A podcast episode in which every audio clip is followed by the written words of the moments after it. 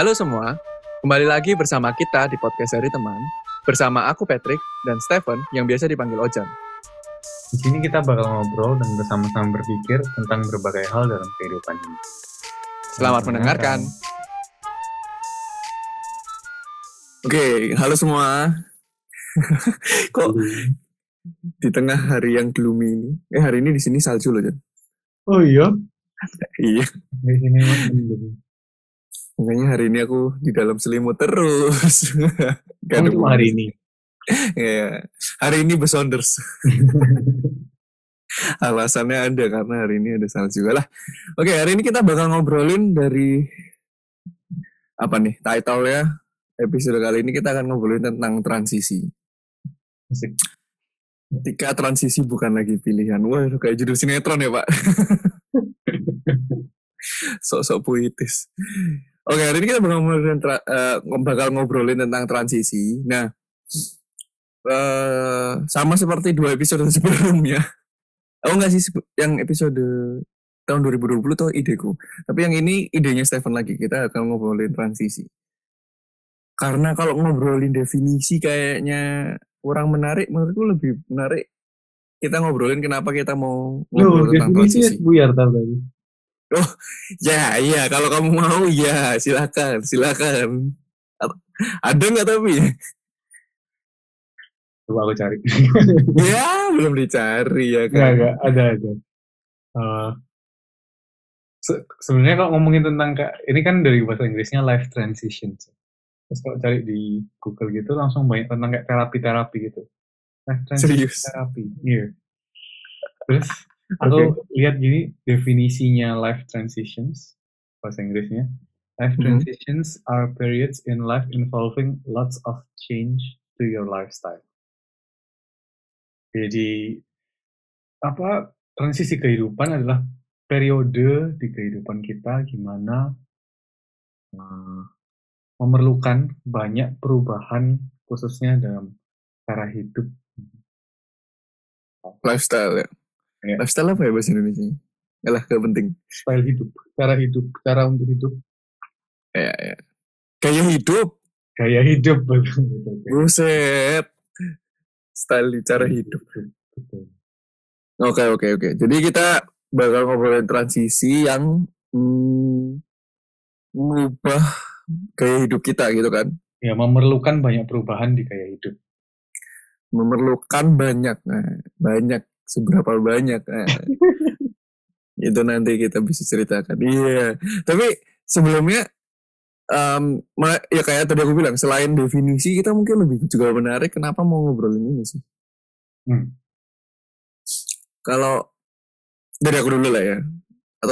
Oke. Eh, enggak sih. Yang lebih bener dari kamu dulu sih karena kamu yang ide. Kamu dulu. Aku ya. Hmm, Iya. Kalau misalnya aku kan yang mikir gitu kan, apa yang ngobrolin apa lagi? Kita udah banyak episode. Terus habis itu kalau tentang yang aku kepikir yang mungkin lagi relevan banget sama kehidupan kita itu tentang transisi ya yang ngerasa kayak di kehidupan. Soalnya Patrick kan lagi baru mau pindahan. Jadi kayak aku pikir oh iya ya ternyata dalam kehidupan kita banyak transisi juga terus itu yang melibatkan banyak ketidaknyamanan gitu aku ngerasa karena Ya. kan harus merubah gaya hidup ya kalau dari de- definisinya itu jadi ya aku juga pengen jadi kayak yang ngobrolin tentang hal ini di episode kali ini Sebenarnya aku pindahan lebih ke arah pulang kampung sih. Orang balik lagi ke Ahan ya kan.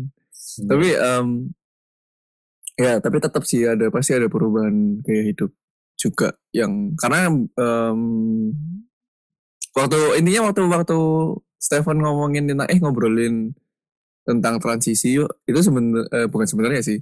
Yang kepikir juga di aku selain transisi itu zona nyaman. Kayak hmm, menurut aku transisi itu kan berarti ada perubahan kan? Iya. dan em, pasti pindah dari satu zona ke zona lain dan menurutku itu kebanyakan transisi itu masa transisi itu ketika kita harus keluar dari zona nyaman kita gitu kan. Iya, betul. dan em, lebih berat ketika zona yang kita tuju itu tidak senyaman atau belum senyaman zona sebelumnya. Nah itu masa transisinya pasti berat banget. Iya. Atau gimana? Untuk untuk menjadikan zona yang belum nyaman itu menjadi nyaman lah intinya. Iya. Ya, itu transisinya sangat sulit sih kemungkinan besar. Khususnya mungkin kayak transisi ke yang sesuatu yang nggak kita harapkan. Iya. iya, itu pasti iya, jadi jauh lebih berat lagi. Iya. Tapi sebenarnya ketika eh, transisi juga, kalau tadi kan ngomong- ngomongin ketika kita harus gimana tadi definisinya berubah banyak untuk lifestyle gitu kan. Banyak perubahan gaya hidup. Iya kan. Nah, mungkin aku tapi juga kepikiran transisi bukan cuma masalah pindah tempat atau pindah eh, suasana ya, tapi mungkin juga pindah eh, atau ada perpindahan cara pikir ya, ngerti nggak sih? Oh, betul, betul, betul. Kayak perpindahan idealisme mungkin atau perpindahan Betul, ya cara pikir itu juga butuh transisi menurut aku. betul, Karena dan gimana dan itu juga nggak kalah sus nggak kalah susahnya dibanding dengan pindah tempat atau pindah situasi baru. Hmm, ya kan ya kan ya kan. Ya, ya, ya. dari situlah aku ngerasa oh ya menarik juga nih ngobrolin transisi. Karena kita mungkin udah sering ngobrolin tentang kita apa ya masa-masa yang berubah di SMP SMA atau kuliah atau masa apa tapi kita nggak belum pernah secara apa ya kayak detail gitu untuk mau lebih ke arah karena ini judulnya kan curcol ya tapi kayak lebih mengarah ke mengeluarkan apa sih yang kita rasakan selama kita transisi atau gimana sih kita coping akhirnya sama masa transisi itu. Jadi makanya kayaknya ini ya, episode ini khusus deh kita akan ngobrolin tentang transisi ini. Iya, itu judulnya. iya jangan dirusak dong penjelasannya itu kan udah di susah-susah pikir loh kurang kurang kon- Konklusinya ke situ soalnya. iya cuma kan ini dipoles sedikit pak biar Iya, lebih iya, iya, oke Maaf, maaf. nah jadi lupa kan kuncinya gimana Kaget ya, kaget. Iya, pokoknya intinya sekarang kita ceritain dulu deh apa yang apa ya masa-masa transisi yang mungkin kita banyak tapi yang berkesan lah, yang ber- berkesan buat kita gitu sampai sekarang. Hmm. Coba dulu. Siapa dulu ya? Oh, Kalau misalnya dari aku, aku itu master of transition. Asik. Buset, songong amat nih orangnya. Karena dari TK sampai kuliah, aku nggak ada pernah di tempat yang kayak terusan gitu. Kayak misalnya SD-nya Petra, terus SMP-nya Petra yang sama. Hmm. Jadi TK, SD, eh, dari TK, bahkan playgroup, TK, SD, SMP, SMA, kuliah, itu tuh selalu di tempat yang berbeda-beda atau kayak bukan tempat lanjutannya gitu. Jadi teman-temannya dalam setiap jenjang itu juga selalu ganti-ganti. Dan Terus, makanya gaya hidupnya juga ganti-ganti ya. ya lumayan, nggak salah. Iya ya, ada betulnya juga. Terus ya itu sih, jadi yang mungkin ya itu bukan berkesan lah ya, cuma ya itu di transisi-transisi kehidupanku yang aku perhatiin waktu mau bahas ini itu ya itu setiap jenjang apa ya itu namanya jenjang pendidikan itu selalu ada di perubahan di hidup aku dan di situ nggak nyamannya itu itu karena itu aku nggak punya temen yang kayak dari SD tapi yang deket terus gitu Hmm, yang hmm. kayak ya bareng terus gitu nggak ada temen paling lama aku yang aku masih deket kamu gak ya Trik? kamu kan temanku sejak awal sekolah ini ya enam tahunan kan berarti ya Hmm, hmm. Ya. Masa aku paling lama? kalau misalnya yang sampai sekarang deket terus ya kan relatif Hmm, deket hmm. terus dan kontaknya lu juga lumayan intens gara-gara podcast Hmm. Enggak, enggak. Intens kok, meskipun nggak ada podcast. Salah, salah. Bukan gara-gara podcast, gara-gara persekutuan kayaknya. Oh iya, gara-gara PA. Kita PA yang sama juga. Dasar ya, hubungan pertemanan kita hanya berdasarkan itu. Oke, oke. Itu jadi kayak waktu aku pindah ke satu jenjang pendidikan yang berbeda gitu, aku itu selalu nggak nyamannya karena itu, karena kayak temanku harus kayak mulai mencari teman baru gitu. Itu Itu menarik ya. ya. Kamu kan bukan orang yang gampang terbuka. Dan Ah. justru kamu banyak harus menemukan teman baru. Itu kayak,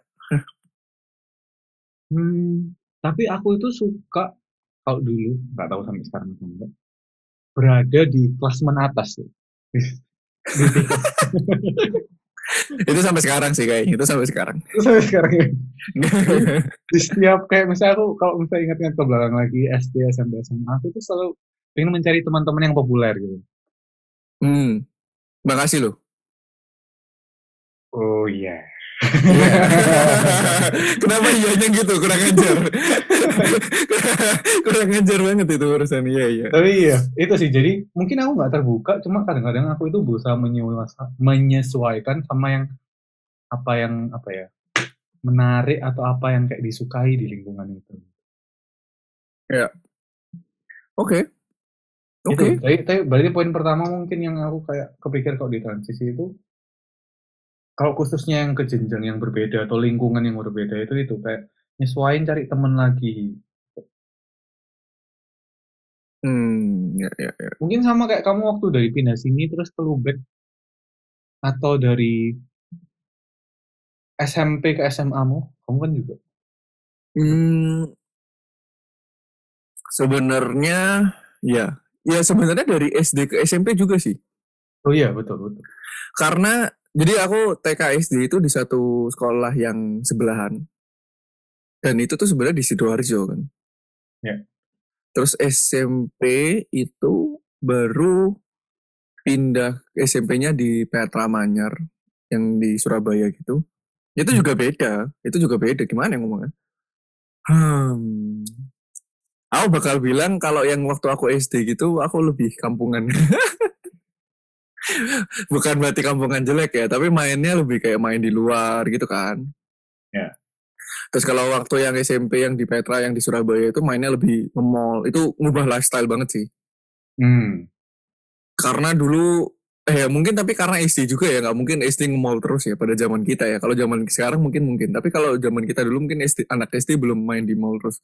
Tapi SMP itu aku setiap minggu setiap minggu ke mall dan mallnya selalu sama. Aku kalau sekarang mikir kayak itu apa nggak bosen gitu nge-mall di mall yang sama terus. Aduh, dicari calon. Oke, udah. Terus Udah. Calonnya nggak diurusin dulu. enggak deh. Ntar lepas lagi loh. Ngawur calon-calon mama. Oh mama, halo. Oke oke. Nah tapi kayak gitu. Jadi kayak aku juga sebenarnya mirip kayak kamu sih. Em, mirip tapi mungkin kalau kamu lebih ekstrim ya. Karena kamu kan sempat dari Jerman terus ke Indonesia kan. Itu playgroup ya. Iya, dan Indonesia ke Jerman kan. Iya, iya Indonesia ke Jerman iya sih. Cuma kan, hmm, kalau aku mungkin cuma sekedar pindah sekolah gitu, kulturnya nggak terlalu jauh mungkin ya. Ya kan lebih pasti. Iya, ya ada sih. Cuma nggak terlalu jauh lah gitu. Mungkin kalau eh boleh nggak ya ngobrolin tentang kayak sedikit isu-isu rasisme gitu? Ya gak apa-apa sih. Gak apa ya. Mungkin yang dulu aku lumayan rada shock waktu dari SD ke SMP itu, em, di SD ku itu kan campur ya. Jadi ada yang keturunan Cina, ada yang maksudnya keturunan Jawa asli dan segala macam dan Oh. kita temenan aja gitu kan. Gak ada tuh kayak menghina-menghina satu sama lain dalam hal ras gitu ya. Mungkin karena SD juga atau gimana. Tapi waktu aku di SMP cukup mengejutkan. Oh iya. karena kan mayoritas em, Ini. keturunan Cina, ya Chinese, dan mayoritas itu cukup cukup rasis. sih. Ya, sih. Jadi waktu Apalagi waktu Surabaya sih. ya dan waktu waktu apa ya melontarkan jokes yang seperti itu, aku nggak bisa ketawa karena kayak bingung gitu ngerti nggak sih? Hmm. Oh, ini tuh it's a thing gitu apa sih kayak oh ini tuh normal ya atau ini emang gini ya gitu dan sampai sekarang sih kalau aku kayak hmm, rada, masih rada sensitif karena mungkin karena waktu kecil atau aku juga mainnya campur gitu loh. Oh. jadi kayak kalau ada yang bercanda gitu masih kayak oke kayaknya nggak gitu amat deh. Bukan ya gitulah. Tapi tapi itu itu itu salah satu juga bentuk transisi sih yang kayak oke uh, mungkin nggak menjadi gaya hidup ya tapi lebih kayak hmm ya ya mungkin memang mereka suka bercanda seperti itu gitu Jadi dari poin pertama transisi itu kan kita ngomongin kayak tentang lingkungan sekitar sama temen gitu kan. Ya aku kalau misalnya kamu cerita tentang rasisme tadi juga, ya aku lumayan kaget atau merubah apa ya ya mungkin kayak hidup ya. Aku ngerasa selama aku SMP dan SMA itu kebanyakan temanku hampir semua itu Chinese kan. Hmm, Jadi jarang punya teman yang nggak Chinese gitu. hmm, Sampai nah waktu ke Jerman waktu di persekutuan baru kayak oh punya temen yang nggak Chinese kan. Yang aku ya American paling yang aku perhatiin, yang aku sadar, yang paling beda itu ketika kayak address orang yang lebih tua. Di Surabaya itu aku selalu pakai ko ko ko gitu kan. ya Dan kebanyakan semua Chinese. Jadi ya waktu di sini kayak ada yang nggak Chinese terus lebih tua, aku bingung manggil nama nggak enak kan. Manggil ko kayak kurang pas. jadi aku bingung. Terus jadi oh ya baru setelah di Jerman itu aku kayak baru belajar kayak oh ada kak, ada bang, hmm, membiasakan diri dengan kayak ya itu cara cara ya cara memanggil yang itu terus ya di situ sih ya baru nyadar juga hmm, lumayan homogen ya kalau yang di Surabaya kayaknya lebih ke arah sekolah Sekolahnya. tertentu. Iya iya sekolahnya. Ya, sekolahnya tapi em, terlepas dari itu ya em, kalau aku ngomongin transisi yang cukup berarti buat aku tuh SMA cukup berarti bukan karena kuliah eh, bukan karena sekolahnya malah. Ini maksudnya SMP ke SMA atau SMA ke kuliah? SMP ke SMA oh oke karena di SMA itu kayak aku sering ceritakan papa mama aku kan pindah ke Semarang Iya. nah itu salah satu transisi yang paling berarti karena di situ pertama kali sendiri maksudnya sendiri Hmm. bukan di rumah sendiri ya tapi eh, ngurusin semua sendiri kan Iya. which is atau yang mengikuti dari kesendirian itu adalah kebebasan juga oh oke ya kan wah gila dulu waktu aku SMA bodoh amat pulang jam 3-4 pagi di rumah nggak ada siapa-siapa cuma ada pembantu ya kan Iya. jadi itu yang lumayan berarti karena hmm, harus coping juga sih karena karena sepi gitu kan di rumah hmm. kayak um, mungkin aku sama orang tua aku nggak juga kayak yang setiap malam ngobrol atau apa paling cuma makan malam bareng gitu tapi kayak di situ transisinya paling berat adalah ketika sampai rumah nggak ada orang juga. Dan aku makanya selalu bilang pada saat itu SMA kayak bilang ya mau pulang juga ngapain gitu nggak ada yang nggak ada yang nyariin juga gitu. Atau maksudnya nggak ada juga orang ngapain juga gitu. Bukan aku tidak menganggap pembantuku orang ya bukan. Bukan. Ntar ada yang salah mengartikan. Tapi ngerti nggak sih kayak uh, feelingnya ya. ngapain pulang rumah orang di rumah juga nggak ada siapa-siapa gitu loh maksudnya gitu. Jadi konsep anak kesepian ini udah terbentuk dari SMA ya Tri? Kayak uh, iya image itu udah dibangun. Emang. Ya tapi tapi iya itu salah satu mungkin bukan yang paling besar tapi salah satu yang terbesar. Hmm, hmm. karena ya beda lah beda lah. Makanya waktu di Jerman itu sebenarnya buat aku lebih oke. Okay. karena pulang rumah masih ada temen-temen. Oh walaupun gak nyariin juga temennya juga gak nyariin. Egal Oh. aja. Ada di rumah juga nggak apa-apa nggak ada di rumah juga nggak apa-apa. Tapi lebih enak karena pulang rumah buka pintu nggak kayak Ada kosong buka- aja gitu. ada presence orang gitu kan iya benar benar benar. Itu sih yang paling salah satu yang terbesar. Hmm. Yang aku ngerasa juga kok dari kayak gitu, dari lingkungan sekitar, yang aku ngerasa lumayan beda itu SMA ke kuliah sih. Kayak lingkungan pertemanannya itu aku ngerasa beda banget. aku nggak tahu kenapa waktu SMP ke SMA itu nggak terlalu berasa. Kayak meskipun aku pindah sekolah dan mempunyai teman-teman yang beda ya. Tapi Karena Anda kelas atas. kelas atas itu apa ya maksudnya? Dan tetap ada di atas. Itu transisinya tidak beda. Enggak lah, aku kelas biasa kok menengah. Alah. Lanjut, lanjut.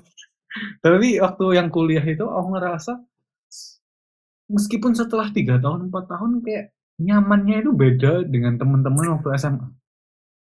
Kok geli ya? ya, ya, ya, oke. Ngerti gak? Gak tahu kenapa sampai waktu di Jerman meskipun udah tahun ketiga keempat gitu kayak temen SMA itu masih kangen terus habis gitu kayak aduh pengen ketemu ya tapi waktu SMA kayak tahun pertama atau tahun kedua udah nggak inget temen SMP kayak gimana ini paling nggak aku ya Ya, ayo. Saya nah itu mungkin yang bedanya juga itu kayak cara berteman atau kayak situasi pertemanan gitu Hmm. Menurut aku kalau kenapa teman SMA masih banyak dikangenin karena banyak hal yang pertama kali kita lakukan sama teman-teman SMA. Jadi itu lebih mengingat. apa tuh Oh iya enggak maksudnya jalan aja. Apa tuh Wadidaw, skip. Salah ngomong. apa tuh hal pertama yang dilakuin tuh Enggak misalnya kayak pergi keluar kota pertama kali bareng-bareng, Oh. pergi ke konser bareng-bareng mungkin atau pergi ke apa sih eh, apa eh, basar sekolah bareng-bareng gitu. Gitu lah Ya. Saya merasa juga perbandingan side-nya lebih banyak banget sama teman SMA sih. Kayak ketemu tiap hari minimal 8 jam. Senin sampai Sabtu. Tapi itu kan SMP juga. Ah iya ya. Hmm, nggak valid Anda. Hmm. hmm. Tapi kalau SM, kalau sama kuliah memang beda sih. Ya kan kuliah itu apalagi kalau jurusannya beda. Itu seminggu ya kalau misalnya yang di kehidupan kita ya paling banyak ketemu persekutuan kan paling seminggu dua kali lah. Sisanya itu kan yang ngurusin kuliahnya sendiri-sendiri. Iya. Tapi kan kamu masih lumayan enak. Kuliah kamu tuh masih banyak yang sama. Waktu bachelor cuma dua orang gitu. Itu pun Aku nggak ada, Jon. Iya, iya, iya. ada sih, cuma bukan bukan teman main ya, lebih ke arah teman kuliah. Iya, gitu. Yang yang mainnya kalau lagi di tempat kuliah doang, kalau udah di luar kuliah nggak pernah main bareng. Nah tapi em, masa kuliah ya, yang justru buat aku kalau pertama kali ke Jerman bukan berarti itu nggak ada transisi sama sekali ya. Hmm. Tapi menurut aku justru transisi terbesar masa kul ma- waktu kuliah itu di semester akhir bachelor kalau. Hmm. Nah ini yang aku bilang em, bukan masalah pindah situasi atau pindah tempat, tapi pindah idealisme. Oke, ini ini jadi udah beralih dari ngomongin tentang lingkungan sekitar sama temennya berarti. Ya, atau kecuali kalau kamu ada cerita lagi nih. Eh, sebelum kita lanjut Oh, yang oke. poin lainnya itu kita ngomongin cara cope-nya aja kalau nggak.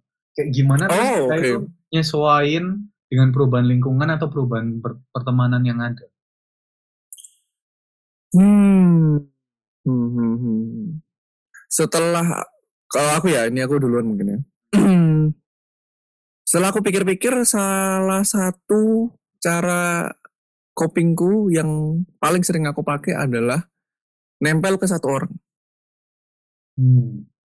Jadi, jadi ketika aku di satu lingkungan yang baru, aku selalu mencari satu atau ya mungkin kadang-kadang nggak bisa ya kalau satu, dua, satu atau dua yang aku invest waktuku untuk dekat sama dia. Hmm. hmm. Jadi dan itu membuat aku membantu untuk lebih merasa nyaman di lingkungan yang baru. Paling nggak ada satu orang yang kamu nempelin gitu. Genau. Dan aku kan memang orangnya pada dasarnya bukan yang dominan kan. Dan Hmm. itu menjadi nggak sulit juga buat aku karena ya udah tinggal ngikutin aja nih orang maunya apa gitu. Hmm. Hmm. Hmm. Contoh misalnya dari SD ke SMP. Hmm. SD ke SMP itu ada beberapa orang. Kalau SMP yang SMP 1 itu aku nempel pertama kali sama geng sih. Itu kayak yang Asik, Mantan- geng- geng apa ini? Geng mantan pertama ya kan enggak lah geng-gengan anak SMP yang cupu-cupu gitu lah dulu jadi kayak aku maksudnya kayak ya itu nempel sama mereka jadi tinggal ngikut mereka ngapain aja gitu jadi kayak dulu kan ada yang mantanku yang pertama Berapa tuh mantan? Banyak kayak. wah bisa disebut kalau disebutin ini episode jadi dua jam tapi itu terus habis itu ada yang dan teman-teman yang lain misalnya kayak si ada yang namanya dulu em, Martin Weman terus Elita kayak gitu gitulah Hmm. itu berlima atau bernama aku lupa deh jadi aku nempel sama mereka supaya aku bisa lebih nyaman di SMP pada saat itu Hmm. tapi pada saat SMP 2 SMP 3 aku lebih nempel ke satu orang namanya Rema. Hmm. jadi itu aku nempel terus jadi dia mau ke mana aku ikut. Aku sering main ke rumahnya terus abis itu yang ngikutin dia lah. Kenapa Rema? Karena Rema termasuk yang gaya hidupnya cukup bisa diikutin. Dalam artian kalau kalau nge-mall nggak keluar ruang banyak banyak gitu ya bisa Hmm. bisa diikutin. Jadi oke ikut Rema terus SMA itu aku banyak nempel ke osis sama eh ada ketua osisku. Ket- ya, eh, gak gitu juga. Ketua osis ketua osisku ketua osisku. Dan kenapa ketua osisku balik lagi? Karena gaya hidupnya masih bisa diikutin. Gitu. Terus kalau kalau kuliah ya sama Stephen Joshua cuma itu gaya hidupnya nggak bisa diikutin sih. Lalu, lalu, lalu, kayak hidup apa? belanja tiap hari. Enggak enggak tapi tapi ya gitu kalau aku copingnya kayak gitu jadi aku nempel sama satu dua untuk hmm, yang ngerasa nyaman aja gitu setelah itu nanti oh, jadi mungkin itu rada aneh ya buat orang-orang yang kenal aku karena kan aku orangnya sangat ekstrovert kan Hmm, hmm. jadi kayak bisa ngobrol sama orang asing tapi mungkin yang aku mau point out bukan berarti itu aku udah nyaman ngerti nggak? Iya, iya. Buat aku tuh nyaman ketika ya itu ada yang sudah aku nge, nge ya punya punya bonding yang cukup kuat ke satu dua orang. Hmm. gitu. Copingnya kayak gitu sih. Makanya waktu ke Lubeck juga itu sempat juga tuh cari dua tiga orang gitu untuk coping gitu. Tapi di Lubeck cuma ada lima orang jadi ya sama aja. Semuanya berarti. Ya gitu. Hmm. Aku gimana ya kalau gitu? Aku ada dua fase yang beda sih. Kalau misalnya dulu ya itu kan, aku selalu cari apa kayak lingkungan-lingkungan pertemanan atau ya kayak geng-geng gitu yang aku bisa ikutin gitu kan. Cuma kalau sekarang itu aku ngerasa juga pasti butuh kan pertemanan kayak gitu, tapi pertemanan itu juga jadi penting gara-gara secara nggak langsung itu merubah kebiasaan kita. Jadi kayak teman kita kayak gimana, terus kita bakal ngikut kayak gitu juga. Hmm, hmm. Jadi kayak kayak coping sama atau ya untuk menyesuaikan diri sama tempat yang baru itu itu pasti harus cari teman. Cuma aku tambahin lagi, jadi kayak harus cari teman yang bisa membuat kita bertumbuh juga. Itu mungkin yang aku Ya. pelajari juga dari yang di kuliah ini. Soalnya benar-benar beda banget kayak dan aku kan orangnya lumayan dominan nih. Tapi kalau misalnya ada di satu lingkungan yang kayak nggak sehat gitu, yang mungkin kerjaannya apa ya minum-minum, ngerokok-ngerokok, ngomongin orang gitu, lama-lama juga mungkin jadi keikutan. Soalnya kan ya adanya temennya kayak gitu gitu. Hmm. Jadi ya itu juga sih kayak coping di satu tempat yang baru, nyari teman tapi juga teman yang bisa buat bertumbuh dan teman yang sehat juga. Kayak aku mirip sama kamu, Drik. Aku dari dulu, dari SD sampai kuliah sekarang, selalu cari temen gandengan, tapi yang nggak dominan. Nah, itu bedanya. lebih tepatnya kamu carinya kayak cari asisten cari buntut ya kan kalau saya cari kepala anda cari cari buntut Pas ya, jadi kebetulan aja pas tuh ketemu di bandara eh kayaknya ini orang bisa jadi kepala eh ini kayaknya bisa jadi buntut nah udah pas ya kan ya ya ya Ya itu sih. Terus lanjut trik yang ke yang poin kedua Drik, yang ideal. Oh oke, ya tadi kayak aku ya yang sebelum dipotong sama Stephen kayak gak terima gitu ya sebelum dipotong. Tapi um, aku juga mikir kak transisi itu bukan cuma atau keluar dari zona nyaman juga bukan cuma masalah ruang dan waktu, wah sih, atau tempat dan situasi, tapi kayak ke suatu bentuk pemikiran yang baru. Karena uh, contohnya yang aku bilang waktu aku kuliah itu di semester 4 atau 5 ya. 3 4 5 lah. Ya. Dan aku selesai itu harusnya semester 6. Dulu itu aku punya pemikiran ya udahlah kuliah atau sekolah yang penting lulus-lulus aja gitu kan. Hmm. Dan itu udah termasuk zona nyaman aku karena ya puji Tuhan kuliah kuliah aku selalu lulus-lulus aja ujiannya ya kan. Hmm. hmm. Bukan mau sombong, cuma flexing aja dikit. Sama sih ya udah. Enggak, enggak, enggak. Tapi hmm, justru pada semester 4-5 itu mungkin ya banyak ngobrol juga kan sama yang sudah lebih senior juga.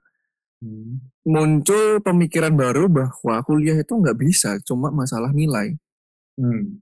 Karena pada akhirnya nilai itu nggak banyak dilihat saat nyari kerja. Hmm. Dan itulah akhirnya aku pindah kepada pemikiran, wah harusnya aku punya pengalaman kerja nih. Gimana ya, harusnya aku ini. Sampai pada prosesnya panjang kan pemikirannya sampai pada hasilnya aku berpikir kayaknya aku lulus bachelor ini belum siap kerja. Hmm. Makanya mau master. Hmm. Nah tapi di masa transisi yang tadi aku bilang panjang itu itu nggak enak banget. Karena hmm, jadi penuh dengan kekhawatiran kan, penuh kekhawatiran, penuh ketakutan, terus harus ngapain, harus ini, jadi malah nggak bisa nggak bisa efektif Hmm. dalam actionnya. Jadi Hmm. banyak mikir tapi nggak banyak actionnya. Itu yang aku merken setiap kali aku ada transisi dari satu idealisme atau cara pikir tertentu ke cara eh yang lama ke cara pikir yang baru, itu selalu ada masa transisi itu tuh. Di mana aku kebanyakan mikir dan gak banyak kerja. Kayak, kayak kebanyakan khawatir kayak ke depannya gimana ya. Gimana. Ya, aku harus ngapain ya? Oh, aku harusnya kayak gini. Terus akhirnya masuk ke penyesalan. Kenapa dulu aku nggak gini? Kenapa dulu aku nggak gitu? Padahal aku gini, padahal aku gitu. Hmm. Gitu, Bapak. Termasuk Oke, termasuk. termasuk transisi dari LDR itu bisa jadi LDR tuh nggak bisa. Waduh. itu transisinya panjang. panjang Bisa sekali. LDR. Bisa, cuma saya nggak mau. Dari LDR yang oke bisa dilakukan mau. Sekarang lebih kayak kalau bisa nggak usah LDR deh gitu.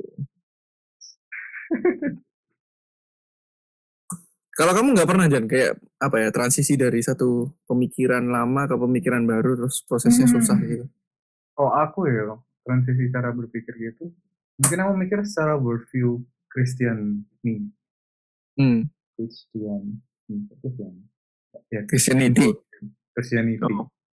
Kalau Hmm. misalnya aku ngerasa SMP SMA worldviewku atau cara berpikirku atau cara aku memandang dunia, cara memandang dunia. Asik, asik. itu kan nggak terlalu Kristen ya. Kayak apa yang aku anggap benar aja.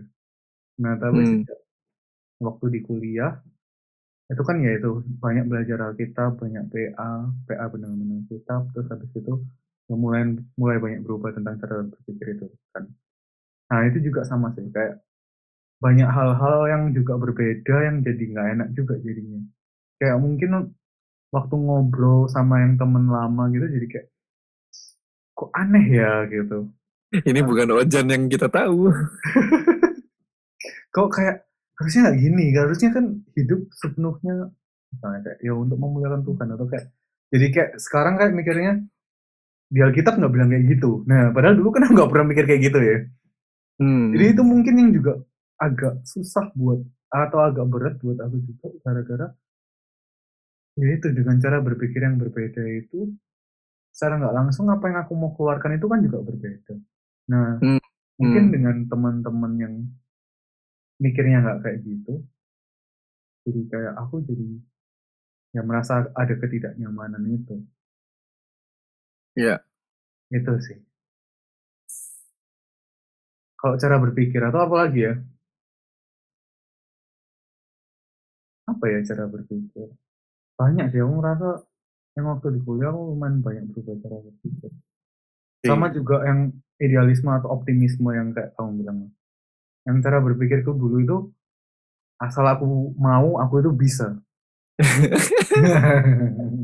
Uh, topik hangat hari ini. tapi ternyata nggak semua itu kayak gitu kan. Hmm. kayak dalam kenyataan kehidupannya nggak semua yang kita mau itu ya kita bisa dan yang Tuhan mau juga gitu. Mm -hmm. Dan untuk nerima itu itu ya itu jadi lumayan berat buat aku juga gara-gara dari mungkin dari kecil aku banyak turutin gitu ya permintaannya terus kayak yang aku bayangin biasanya terjadi mm -hmm.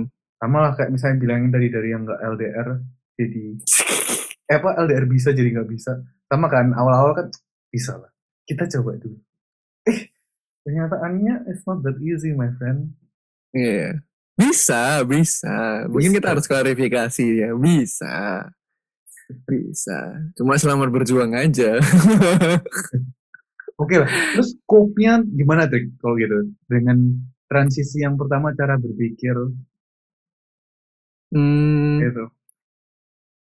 Buat aku yang aku belajar ya. Mungkin ini juga bagian dari 2020. Ini aku baru belajar banget. Karena di 2020 aku juga banyak berubah tentang idealisme kan. Ya. Contoh misalnya tentang aku udah di akhir lagi lagi di akhir masa studiku bahwa aku punya idealisme oh kalau aku mau karirnya di dunia industri maka aku harus master tesisnya di industri kalau aku mau mau di dunia akademik atau research harus di situ maka aku harus tahu sekarang aku maunya apa gitu kan tapi tidak ter ternyata itu bukan idealisme atau bukan cara pandang yang tepat gitu. Karena hmm, kayak ya akhirnya balik lagi aku banyak cuma mikir-mikir doang tapi nggak ngakuin apa-apa. Dari situ aku belajar bahwa yang penting itu apa yang ada di depan mata kerjain dulu gitu kan. Nah copingnya gimana pada saat itu? Kalau 2020 kebantu karena nggak ada pilihan ya bener banget karena nggak ada pilihan gitu kalau aku mau berpegang sama pemikiranku yang lama nggak bisa juga gitu karena aku udah berusaha juga nggak bisa juga nah tapi mungkin yang sangat ngebantu adalah ketika punya pemikiran atau cara pikir yang baru, menurutku banyak ngobrol sama orang yang lebih senior. Ya, itu benar. Bukan untuk cari acceptance ya, atau bukan untuk cari bisa tigung itu apa ya? Konfirmasi ya, sama yang lebih senior. Bukan, iya, bukan mencari konfirmasi bahwa oh pemikiranku yang baru ini lebih bagus kan dari yang lama, bukan gitu. Tetapi ketika ngobrol sama yang lebih senior, lebih dikasih overview secara luas Hmm, betul, betul. Dan sering kali aku menurut aku terutama tentang dunia pendidikan atau karir gitu orang yang lebih senior mereka karena sudah nyemplung mereka tahu apa yang penting hmm. dan lebih bisa diaplikasikan secara langsung. Ya pokoknya sekarang yang penting ini lakukan dulu yang itu gitu. Hmm. kayak gitu.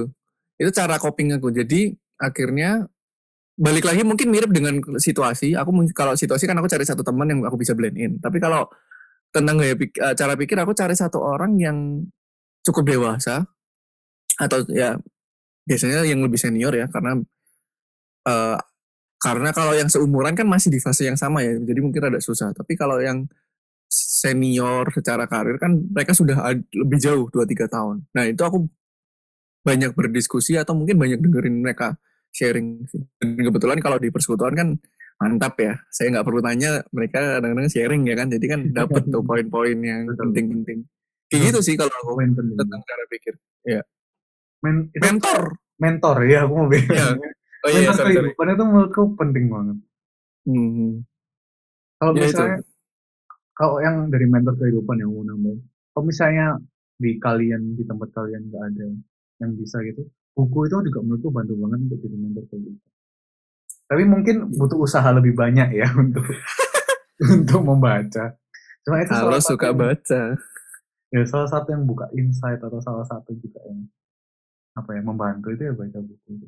Cuma buku yang benar ya atau yang nggak benar ya sama yang mentornya saja. Ya. Iya. Sebenarnya kalau soal mentor gitu ya sekarang di YouTube banyak kak, banyak juga gitu. Cuma hmm, mungkin mungkin mungkin aku bukan bilang buku atau YouTube itu sama atau gimana. Ada kesamaannya adalah satu hmm, buku dan YouTube itu menurut aku sulit untuk komunikasi dua arah dalam artian oh. aku nanya juga gitu loh, itu yang iya, sulit. kalau kalau yang punya mentor asli apa ya mentor asli? Maksudnya kalau mentor yang orang gitu apa ya ngomongnya? Kalau kalau beneran gitu itu lebih oke okay dalam hal kayak gitu. Yang bisa tanya. real real real. Nggak nggak virtual tapi real. Iya. Yeah. itu aku juga ngerasa kita bisa lihat cara dia hidup mm -mm. dan itu nggak didapetin dari kau buku atau lecture ya atau kayak YouTube gitu kan kayak cuma apa ya dengerin apa yang dia omong. Tapi kalau kalau ya. mentor yang real juga itu kan kita jadi bisa lihat juga cara dia hidup gimana gitu kan. Ini yang membedakan. Ya. Dan itu jadi lebih praktikal buat aku. Ya. ya. Halo? Ya. ya. Oke. Okay. Kukira internetku mati deh.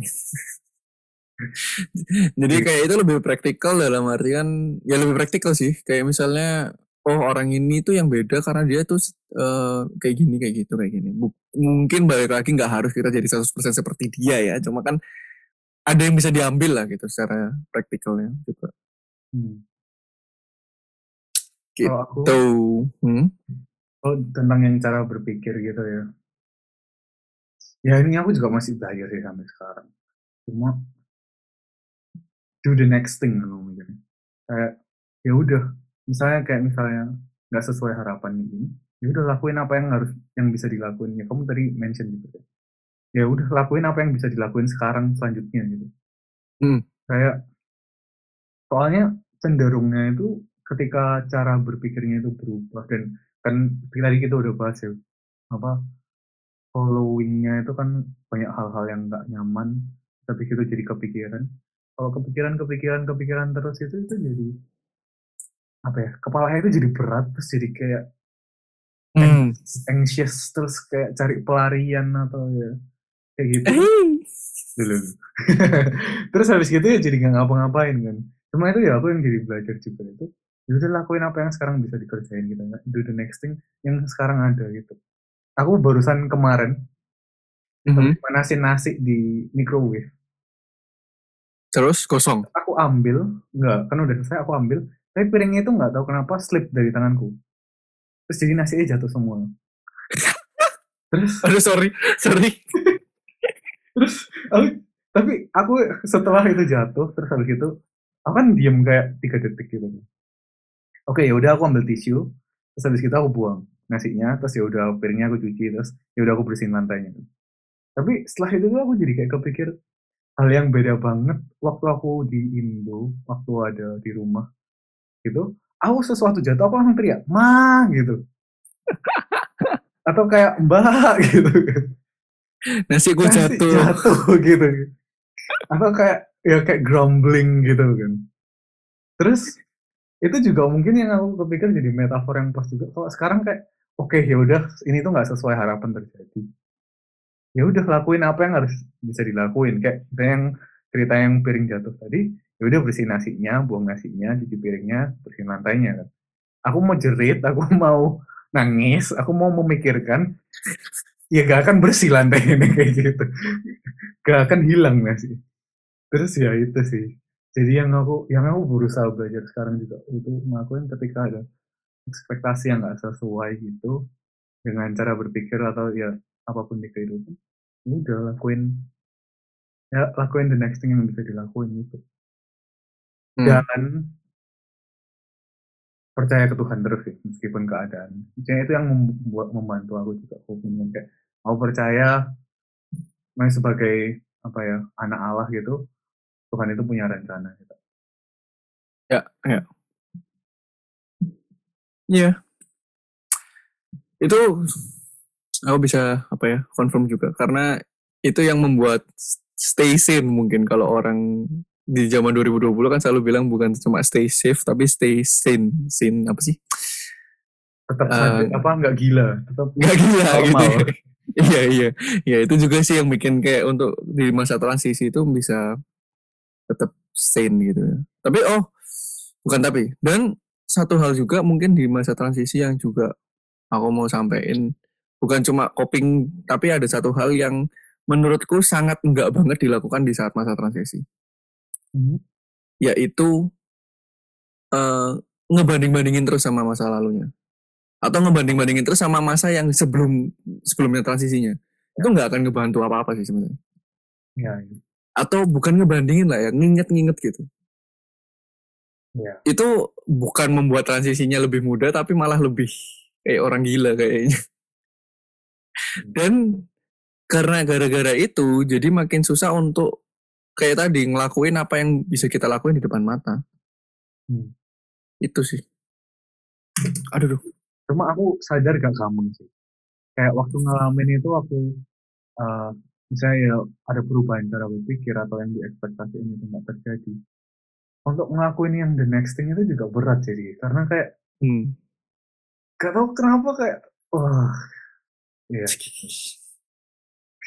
Gitu kenapa? Gitu kenapa? Coba coba coba.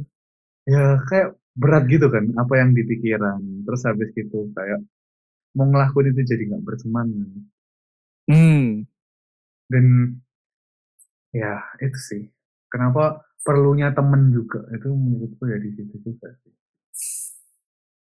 Teman apa pasangan mbak?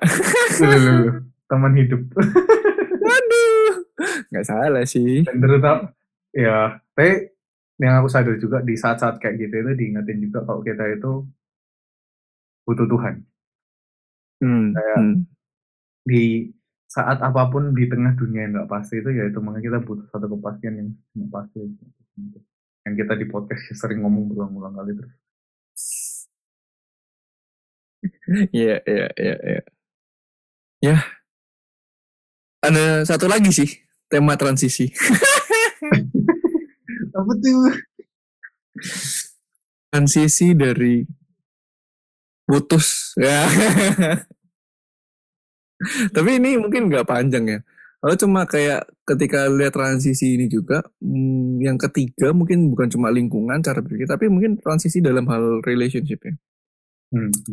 Menurut aku gini yang aku juga banyak temui di orang-orang yang sudah melihat bahwa pacaran tuh harus serius hmm. ketika putus uh, itu masa transisi bukan move on ya. Kalau move on ini bukan yang aku bilang tentang masalah move on, tapi transisi untuk apa ya mulai lagi nggak ya gitu. Mulai hmm. sekarang apa mulai nanti nggak ya? Sekarang aku udah siap nggak ya gitu. Itu menurut aku cukup berat. Aku belum tahu copingnya gimana karena aku sampai sekarang juga masih di masa transisi itu untuk dapat idea bahwa oke okay nggak sih untuk memulai yang baru gitu. Hmm.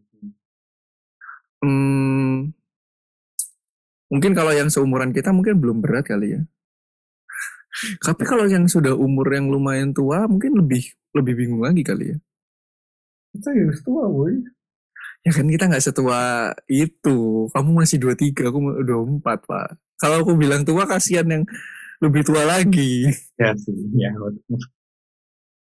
Tapi tapi itu sih menurut aku transisi yang sulit adalah ketika melihat apakah oh mau mungkin kalau udah jel, kitanya udah jelas tahu maunya apa kali ya mungkin lebih gampang. Cuma sering kali menurut aku yang aku beberapa kali ngobrol sama yang sama itu di satu sisi merasa kesepian. Bukan hmm. kesepian sih. Di saat kesepian mungkin terlalu baper ya, tapi kayak di satu sisi merasa butuh Agak sepi, punya, sama. Butuh punya pasangan gak beda. Sama kamu kesepian nih kesepian. Oh iya iya oke oke.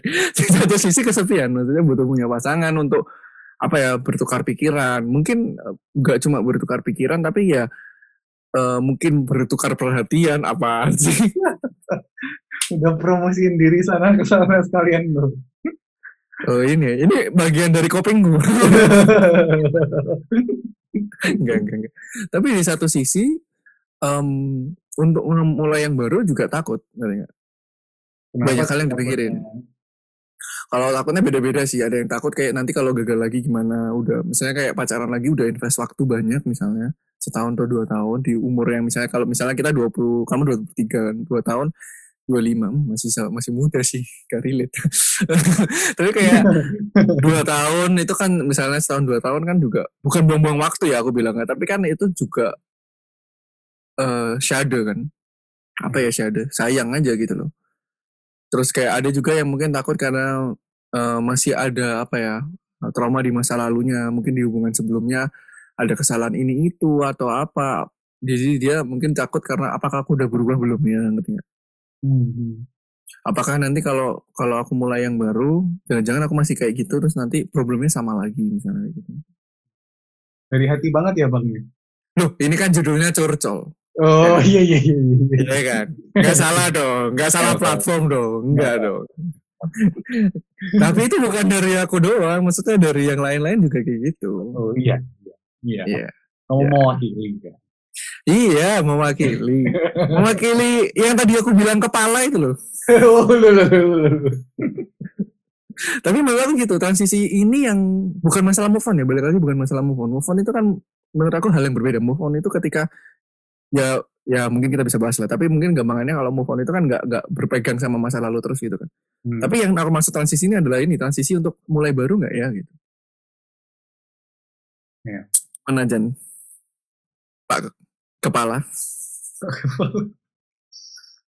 Tapi yang aku pikir juga, kenapa dulu waktu transisi dari nggak pacaran terus ke pacaran waktu SMA gitu, nggak sulit ya? Atau aku mikir mungkin karena nggak banyak berpikir. Iya. Kalau sekarang itu jadi banyak mikir, jadi atau banyak pertimbangan, jadi gitu. Untuk memulai atau taking that leap of faith itu susah gitu. Iya, banyak hal sih. Karena waktu SMA nikah itu masih jauh, Pak. Hmm, iya. Kalau punya anak ya. Iya, Iya. kecuali punya. Mancing dia. Tapi maksud aku kayak gitu. Kalau kalau mungkin kalau kalau waktu SMA soal hal-hal yang serius kayak nikah atau mungkin jadi jauh masih jauh kan. Jadi juga yang dipikirin tentang pasangan juga nggak banyak-banyak amat gitu. Hmm. Kalau sekarang kan nikah itu nggak sejauh ya nggak nggak sejauh masa SMA. Jadi kita bener-bener mikirin oh cara pikirnya bisa nggak ya gitu. Oh, aku pikir Cara lagi, pandang. Kalau ngomong tadi kan kamu untuk memulai baru ya. Tapi aku Hmm. juga pikir waktu transisi dari setelah punya pasangan terus enggak itu juga berat tuh. Udah nggak mau bahas ke arah situ kok malah ke situ. Iya iya gimana? Karena kan kayak yang biasanya ada seseorang terus jadi nggak ada terus kayak ya tau lah ya semua yang pernah putus tahu lah ya rasanya. Loh, siapa tahu belum ada yang putus ya kan? Coba kasih tahu aja. Gak usah Kasih tahu. langsung kopnya aja. Kop kopnya apa? Kopnya teman. Aku mau aku mau jahat tapi aduh jangan deh. Online soalnya takut. Kopnya menurutku ya aku bersyukur di sini kayak punya teman dan punya persekutuan gitu. Jadi ya itu ada teman-teman yang emang mungkin ya nggak sememuaskan itulah ya. Atau Asik asik. mungkin nggak semengisi itulah. Kan ya beda ya punya pacar terus sama temen gitu. Cuma ya itu membantu sih. Dan mungkin kalau yang baru putus bisa cari teman-teman yang membangun teman-teman yang dekat apa lagi ya? Itu sih. apa tadi? Dari ini ya, dari apa? Putus eh dari yang punya pasangan ya ini. Hmm, menurut aku juga cari aktivitas baru sih. hmm, Cari aktivitas baru yang hmm, hmm, hmm, hmm, gimana ya? Aktivitas baru yang mungkin belum pernah dicoba sebelumnya. Hmm. Jadi eh, ya kayak kayak start fresh aja gitu ngerti nggak? ya, Karena ada sesuatu yang baru kan. Kalau misalnya kita eh menurut aku yang susah ketika misalnya habis putus gitu terus nggak ada aktivitas baru terus nggak ada temen juga wah itu Hmm. berat kok pikiran kosong nah pikiran nggak mungkin kosong pasti lebih banyak mikir kayak gitu Iya. dan kalau nggak ada kalau misalnya aktivitasnya itu itu aja itu kemungkinan nanti gini dikit-dikit oh iya dulu pernah kayak gini sama dia ah, aduh udah udah. Itu Iya. itu ada aku lupa ya namanya apa. Tapi yang di aku baca itu efeknya itu kayak nggak tahu kenapa kita itu selalu ingat yang indah-indahnya doang. Iya. Tapi tapi yang kayak pertengkaran-pertengkaran yang ada atau kayak yang nggak enaknya itu nggak tahu kenapa kayak jarang diingat. Jadi ya ya itu sih. Jadi kayak apa ya namanya nostalgianya itu nggak lengkap gitu karena cuma nostalgia yang indah-indahnya tapi bukan yang secara komplit. Berarti intinya abis putus inget waktu berantemnya. Enggak, enggak. Bercanda, bercanda guys. Tapi ya itu sih kayak, hmm, iya. Teman sama aktivitas yang baru, hmm, oh buat aku juga, ternyata lebih gampang juga kalau nggak apa ya putusnya nggak kayak langsung kayak marah-marahan gitu ngerti gak sih? Terus baik-baik. Iya putusnya kalau putus baik-baik menurut aku juga lebih lebih mudah ya. Hmm. Nggak tahu bener atau enggak karena aku juga pacaran nggak sebanyak itu. Weh. Tapi maksudnya kayaknya kalau baik-baik itu juga lebih mudah sih untuk copingnya. Karena hmm,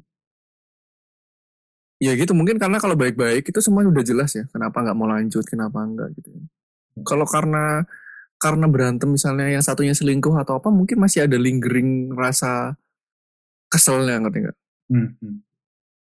gitu tapi aku nggak tahu sih yang terakhir ini valid atau enggak itu cuma dari pengalaman aku aku ngerasa kayak gitu Oke. Kita udah ngomongin tiga hal ya. Mm-mm.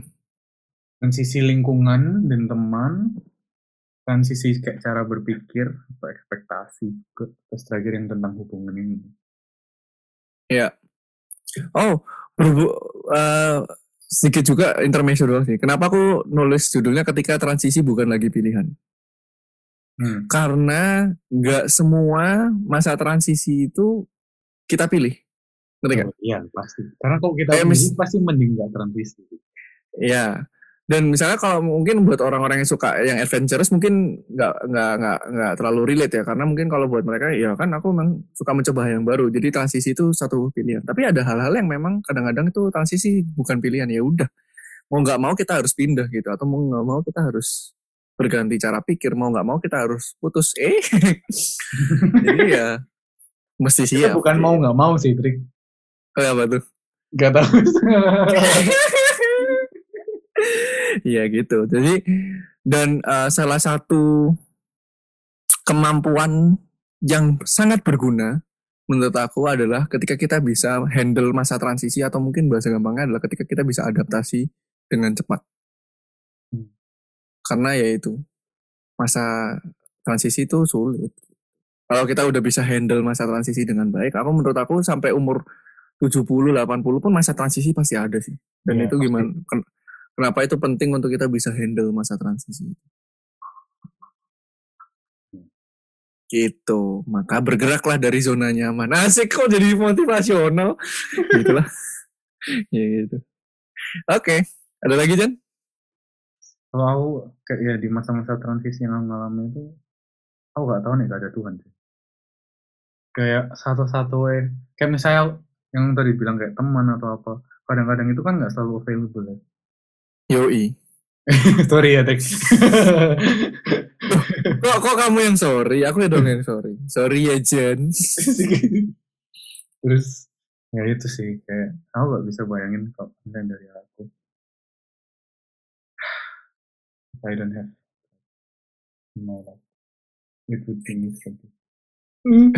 Yuk, selesai. Nangis dulu. Nangis Jan, biar banyak viewers ya. Iya. Kok gak ada videonya kurang seru. Oh iya, iya, iya. Oke. Oke, itu aja ya. Yuk. Episode kali ini tentang transisi. Semoga berguna buat kalian dan sampai jumpa di episode selanjutnya. Oke. Dah. Bye.